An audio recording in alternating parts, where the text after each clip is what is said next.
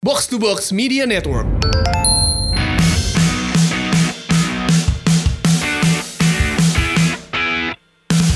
Box to Box Podcast. Pada episode kali ini kita akan membahas bagaimana Spurs yang akan bertemu dengan City lagi di akhir pekan nanti. Apakah City akan membalas dendam? Dan apakah Juventus akan meraih gelar Serie A di akhir pekan nanti? Selengkapnya di Box to Box Podcast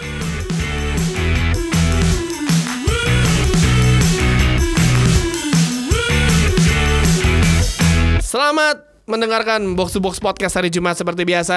Masih dalam edisi tanpa Pangeran Siaan Karena dia masih sibuk untuk quick count kayaknya nggak ada juga. Mungkin atau mungkin dia nggak berani melihat muka coach Justin setelah timnya diobok-obok 3-0 eh tim saya juga diobok 3-0 melawan Barcelona yang kita nggak perlu bahas karena Justin sudah bahas di Special League Champions. Itu di episode uh, di segmen sebelumnya. Karena Justin akan memiliki segmen tersendiri Pandit bersoda. Eh Sabda Pandit bersoda. Sedap nih. Ini akan tayang semua maunya coach Justin aja sebisanya dia untuk take aja ya nggak coach? Ya betul. Berarti uh, midweek ini lu bahagia coach ya ngelihat ngelihat salah satu tim Belanda lolos, Barcelona lolos dan membuktikan kepada fans Kardus kalau keajaiban itu tidak ada di Nou Camp. Enggak eh, membuktikan kepada fans Kardus kalau tim yang menyerang layaknya lolos. tim yang bermain secara strategi bagus, membangun serang tidak oportunis layaknya lolos dan ini ini adalah sebuah kemenangan buat sepak bola sendiri secara overall. Jadi eh, untuk yang menghalalkan eh, eh, apa namanya? Bermain bertahan. main yang penting menang bermain bertahan oportunis itu out semua dah. Dan ber- bersyukur tim tim kayak Porto juga buset. Tiba-tiba gue lihat 14 shots Porto Liverpool 0 L- tapi Liverpool sekali shot langsung gol. Nah inilah kayak tim tim tim kayak gini tuh nggak layak lolos Nge- ngerti nggak? Efisiensi. lu- ya bukan bukan hanya efisiensi tapi juga karena kualitas bermain. Lu I mean lu kalau asal syuting kayak kayak kemarin Na- Napoli lawan Arsenal asal syuting bolanya ke mana-mana ya, kayak kalau gawang rugby pun nggak masuk gitu. Dan hal-hal kayak kayak begini kan ke- kembali lagi ke kualitas. Terbukti bahwa mereka itu asal syuting tapi di data tertulis.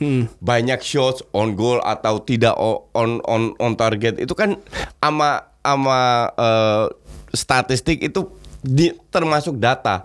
Tapi kalau lihat dari per- permainannya itu, itu itu kan bukan attempt itu kalau gue bilang itu asal shooting aja dan dan bolanya ke mana-mana atau terlalu pelan atau ter- ke ke arah eh, kiper kayak kayak kayak gitu gitulah maka dari itu gue selalu bilang data itu memang membantu di sepak bola tapi itu cuman mungkin 60-70 persen Tapi- sisanya lu harus nonton Tapi data yang me- mencengangkan adalah ketika Na- Napoli lawan Arsenal coach ya semalam. Si Arsenal Wah, menang. parah Napoli itu. Asli parah. Arsenal pun juga sebenarnya kalau menurut lu nggak oke-oke banget mainnya kan sebenarnya kan? Enggak banget. Enggak banget asli. Gue feeling gue pemain ini apa apa ya? Mungkin lebih fokus ke ke Premier League ya.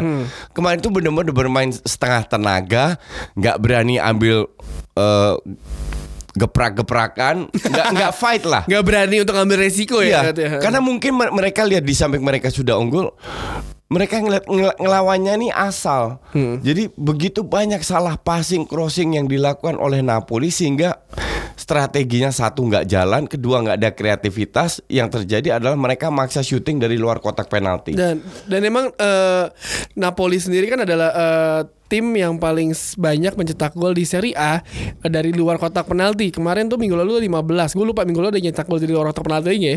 Pokoknya 15 gol mereka ciptakan dari luar kotak penalti. Ini kan membuktikan bahwa eh, bagaimana kesulitannya Napoli untuk ngobrak-ngabrik eh, kotak eh kotak penalti lawannya dan juga mengirimkan bola ke kotak penalti. Ini kan permasalahan utama dari eh, Napoli sejak awal musim kan dan mungkin eh, apakah Napoli membutuhkan pemain yang kreatif memiliki kreativitas yang tinggi untuk mengalirkan bola ke kiri dan ke kanan atau gimana coach menurut lo? eh gue nggak ngerti ya. Un- untuk gue sih pelatih Italia itu tertinggal semua. Ancelotti memang bawa semua juara banyak klub lah, tapi dipecah juga di di di, di mana-mana, ya kan? Iya. Artinya tidak menunjukkan se- sebuah konsistensi. Justru gue lebih salut kepada pelatih kayak Klopp, nggak juara apa-apa, tapi final Champions League dan sekarang eh, sa- satu poin di di belakang eh, apa namanya eh, City di Liga masuk ke semifinal Champions League, itu kan ada sebuah kons- konsistensi dari sebuah prestasi. Bahwa mereka nggak juara itu kan cuma buat statistik doang. Ngerti nggak? Waktunya akan datang bahwa mereka akan juara karena eh, bermainnya sudah benar. Cuman masih ada banyak PR ya salah satu ya untuk gue Klopp harus lebih punya banyak eh, apa namanya gaya bermain strategi nggak gitu-gitu aja Ya dan musim lalu sebagai catatan Klopp lolos ke final Liga Champions kipernya ada Loris Karius loh. ya exactly itu kan lu- luar biasa dan lo akhirnya mendapatkan Alisson Becker yang menurut gue puzzle terakhir dari Klopp yang ya sejauh ini berhasil membawa Liverpool bermain seperti ini dan salah satu faktor kunci kenapa mereka bisa berada di papan atas juga Iya. dan lolos ke semifinal. Dan yang menarik adalah pertanyaan mungkin yang ada di benak coach dan gue juga adalah ini eh, dua klub Itali kalah di perempat final. Diobok-obok. Diobok-obok dengan formasi yang menurut menurut Justin sama gue juga menurut gue ini apa bener nih? Ini lo main main lawan tim kayak gini formasinya kayak gini. Pertama Juventus melawan Ajax. Itu gila sih menurut gue Juventus lawan Ajax. dan Ajax itu udah tim bocah-bocah tim murah nggak punya jam terbang internasional banyak terakhir masuk ke final tahun 96 sekarang ba- ba- baru lu benar-benar diajari main bola. Dan secara overall di luar skor kalau Ajax tidak lolos pun Ajax unggul dari sisi strategi. Dari dua match Juve dengan begitu banyak bintangnya itu benar-benar diobok-obok. Ini yang gue gue pertanyakan kenapa eh, strategi dari Juve itu terlalu Ronaldo minded gitu loh. Justru kalau lu punya pemain Ronaldo I mean, lu tidak bisa ba- bandingkan Ronaldo dengan Messi. Kalau lu bilang Messi minded itu masih ya sedikit make sense lah. Karena Messi itu bermain dari tengah. Ngerti nggak? Dia yang memberikan assist, dia yang membuat permainan, dia playmakernya, dia dribblingnya, dia yang cetak gol. Kalau Ronaldo kan cetak gol doang. Jadi butuh pemain yang untuk supply ke dia. Iya. Tapi kalau lu terlalu fokus ke Ronaldo, kasihan pemain lainnya kayak si Ma- Mandzukic yang kemarin nggak main di Dybala. Dybala yang juga ditarik kembali. Gue ngelihat performa Dybala dengan datangnya Ronaldo itu drop. Harusnya performanya sama ditambah seorang Ronaldo. harusnya lebih eksplosif Ngerti nggak? kan? Heeh. J- Jadi Ronaldo ini harus kan ni- nilai tambah, bukan semua dirombak demi Ronaldo. Ini yang gue bilang kesalahan dilakukan. Tapi di sisi lain, betapa ancurnya, betapa ancurnya kualitas Serie A. Kalau nomor satu dua aja masih diajarin main bola dengan tim yang mediocre oh bocah-bocah ini ya dengan bocah dan Arsenal itu kan kualitas pemainnya nomor 6 di Liga Inggris. Tapi bisa lu diobok-obok lawan nomor 2 yang bertahun-tahun nomor 2 di di Serie A. Ini yang gue pertanyakan dan gue juga tidak melihat bahwa se- Serie A ini akan melejit ke depan kalau pemain pel- pelatihnya ya Itali semua. kebaikan Italia Liga Inggris itu berubah karena banyak pemain dari pelatih dari luar, pemain dari luar yang masuk. Sekarang pemain dari luar udah cukup banyak di Italia. Tapi pelatih dari luar yang mereka harus import. ya harus diubah diubah juga juga Mindsetnya dirubah. mindsetnya dan juga permainan dan Iya. ya, menurut gua iya benar sih selain Juventus yang memang kalau kita lihat memang eh, udah pasti ya kan berada di urutan pertama terus di Italia udah berapa tahun sih dia di juara Juventus berturut-turut tuh bertahun-tahun lah ya tujuh. 8 ta- tahun-tahun ini 8. tahun ini kok juara 8 musim nih. Gila kan 8 musim berturut-turut juara ya kan? Dan eh, pasti ada kecenderungan orang yang nonton Liga itu "Udah, pasti Juventus juga yang juara capek ah gak ada yang menarik ya kan? Dan itu juga berpengaruh mungkin tim-tim lainnya AC Milan Inter Milan yang biasanya bisa fight lawan Juventus beberapa musim terakhir kan drop ya kan? Dan musim ini mereka eh, sedang bangkit. Dan ini yang dibutuhkan di musim depan bagi Italia untuk menaikkan pamornya lagi. Eh, Ya, bet, ya, ya, ya, be- be- benar. Gue, gue setuju banget karena eh, something has to happen. Mere- Iya. Mereka itu kan terlalu bangga dengan budayanya, seolah-olah semua benar, se, se, se- seolah-olah mereka kuasai, ngandelin sejarah berapa kali juara dunia. Tapi masa-masa itu kan udah lewat. Sepak bola ini kan sebuah budaya yang sangat dinamis, berkembang ki- kiri kanan dan lain-lain. Kalau mereka tidak bisa merubah, mereka akan akan ketinggalan terus. Kalau masih ngandelin bertahanlah uh, oportunis lah, long ball long ball lah, uh, shooting dari luar kotak penalti, they will not survive. Ini warning pertama adalah mereka tidak ikut Piala Dunia. Ini sebuah warning. Belanda sudah bangkit, semua orang udah lihat. Oke, walaupun masih proses. Tapi apakah Italia udah bangkit? Gue tidak yakin. Asli gue gue tidak yakin. Karena generasi duanya juga nggak bagus-bagus amat. Iya benar. Eh, mendingan kita ngobrol dulu eh, sama eh, rekan kita nih. Coba eh, eh, eh, eh. coba telepon eh, Pange. Dah, coba ditelepon dulu. Kita coba telepon rekan sejawat kita untuk membahas ini. Dia pasti ada ada masukan-masukan ajaib nih. Ya ternyata rekan kita nggak bisa ditelepon nih. Kayaknya lagi seksi time ya. Heeh. Tahu mas siapa? Tapi kalau ngomongin seri A ya emang bener banyak harus di, di, di, diubah sama seri A itu sendiri. Salah satunya adalah gimana cara mereka memp- eh, mempromosikan liga itu sendiri membuat jadi menarik karena sekarang orang pasti udah mikir oh ini Serie A bakal juara eh, bakal terus-terusan karena pasti selalu eh, Juventus mulai yang juara ya coach dan mereka harus banyak belajar dari liga-liga lain seperti contohnya Bundesliga dan eh, mungkin ada divisi juga bisa bela- eh, bisa belajar juga Mereka harus berubah, itu yang penting. Dan lu nggak bisa zaman sekarang lu nggak bisa hanya menang mengandalkan skill individu aja. Mereka harus dari sisi strategi beradaptasi dengan perkembangan strategi di dunia. Contoh Liga Inggris dan Liga Spanyol yang yang yang selalu su- survive di papan atas lah. Kalau Liga Spanyol mungkin orang bilang oh ya itu hanya Madrid dan Barca. Oke, lupakan Liga Spanyol. Lihat Liga Inggris, lihat klub-klubnya aja. Strategi apa yang mereka terapkan, gaya mereka bermain dan itu harus dirubah kalau mereka mereka mau survive. Kalau enggak, Bundesliga ini akan nyalip mereka mereka. Ya, karena Bundesliga- mereka akan drop lagi dan bahkan mungkin ke depannya eh, Liga Prancis atau Portugal akan nyalip mereka juga. Karena Bundesliga sendiri ada eh, liga yang menurut gua eh, adalah pintu utama bagi pintu pertama bagi tim pemain-pemain muda, contohnya pemain-pemain dari Asia dan lain-lain untuk untuk berkarir di Eropa. Karena mereka benar-benar beradaptasi dengan baik di sana dan kalau ber- sukses di Bundesliga, lu bisa ke, ke, eh, ke tim mana pun yang kalau nggak besar pun tim papan tengah pun juga bisa. Dan itu yang menjadi catatan eh, menarik di liga-liga Eropa seperti akhir pekan nanti yang menarik adalah bagaimana semua tim bisa berubah posisinya di akhir pekan kalau ada yang kalah, ada yang seri dan bahkan ada yang menang.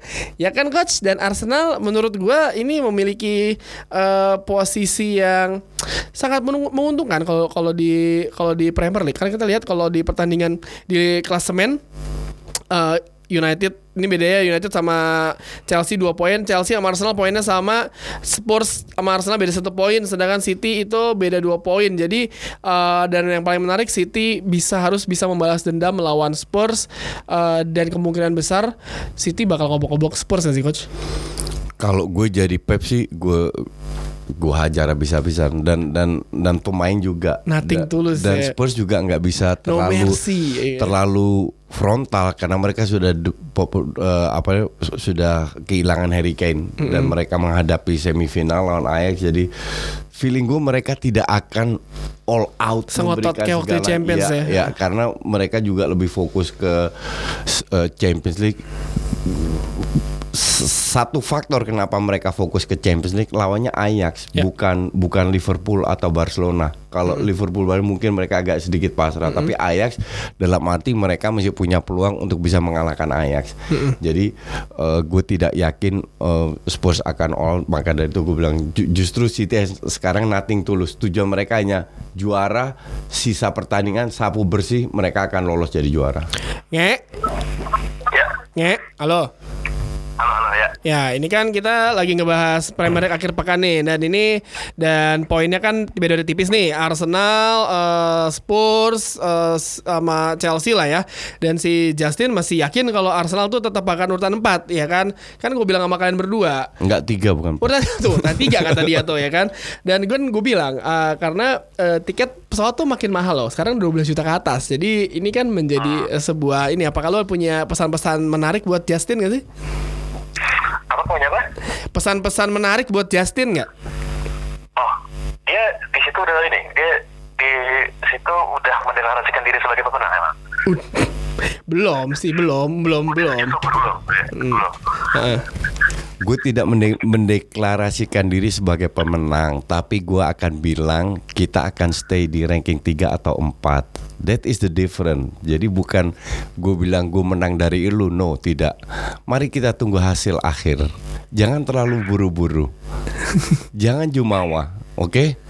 Gitu. Tapi sesuai dengan prediksi eh, apa namanya analisis gue dan rekan-rekan gue yang ada di lapangan, mereka mengatakan bahwa kita akan stay di ranking 3 dan main Champions League. Jadi gue tidak mengklaim bahwa gue menang tiket bisnis ke Singapura tidak. Kalau gue mencium adanya bau-bau kecurangan di sini ya gitu di gue mencium adanya bau-bau kecurangan Kecurangan dari mana- mana? Ini analisis loh. Musim belum belum berakhir belum ada pengumuman resmi dari pihak penyelenggara liga tapi sudah ada pihak-pihak yang merasa dirinya menang Oh tidak, Anda jangan melintir kata-kata saya. Saya tidak mengatakan bahwa saya mengklaim menang, tapi berdasarkan sisa pertandingan, berdasarkan analisis rekan-rekan saya sesama Gunners, kita mengatakan bahwa oh kemungkinan besar kita akan menang, kita akan stay di atas MU. berarti ini kan ini sudah mengarahkan persepsi publik. Mengarahkan karena orang-orang saya bisa dipercaya. Itu kader-kader saya loh. Anda jangan menghina kader-kader saya yang sudah saya didik menjadi fans anti kardus Yang sangat kuat dalam hal menganalisa pertandingan. Gue tadi mau mengajak mau mengajak semua pendukung gue untuk mendeklarasikan kemenangan sih di Monas sebenarnya hari ini. Tapi apa daya ternyata lagi hari libur sekarang ya, jadi pada sepi semuanya. Tapi secara umum, secara umum gue sih merasa bahwa eh, peta konstelasi peringkat 3, 4, 5, 6 itu masih akan berubah. Eh, poinnya MU pada weekend ini itu akan menyamai poin Spurs. Ya karena Spurs sudah pasti kalah. Kan gue bilang sama kemarin kan. Ini Kalau itu kita sepakat. itu pokoknya Spurs harus menang di harus menang di Champions League karena begitu menang di Champions League gue jamin 100% dibantai mereka di Liga Pasti. Kalau itu gue sepakat Hmm, gitu Arsenal lawan siapa lawan Crystal Palace ya? Mm. Home Di home lawan, lawan Palace. Ah. Oh apa oh Ya udah, udah deh, gue harus harus cabut. Lu silakan go on. I, I uh, see you hari Minggu. Oke. Si Justin mesti Thanks, cabut Gue harus si cabut. Justin mesti cabut. Heeh. Jadi kita udah ini debatnya ya gimana? Lu lu mungkin ada ada statement penutup bagi para fans kardusnya Justin nih? Eh, sampai tirai pertunjukan sudah ditutup ya semuanya masih mungkin untuk kejadian dan gue men- menyerukan kepada semua kader dan simpatisan gue untuk tetap optimis untuk tetap terus menjaga kepercayaan bahwa pada akhirnya kita akan keluar sebagai pemenang pokoknya. Udah kalau gitu. Thank you, Kak. Gila ya. Ini makin seru nih. Gimana kalau hari Senin nanti kita bikin debat terbuka antara Justin dan Pange untuk di last minute karena udah, mendekati akhir-akhir musim. Gimana kalau setuju?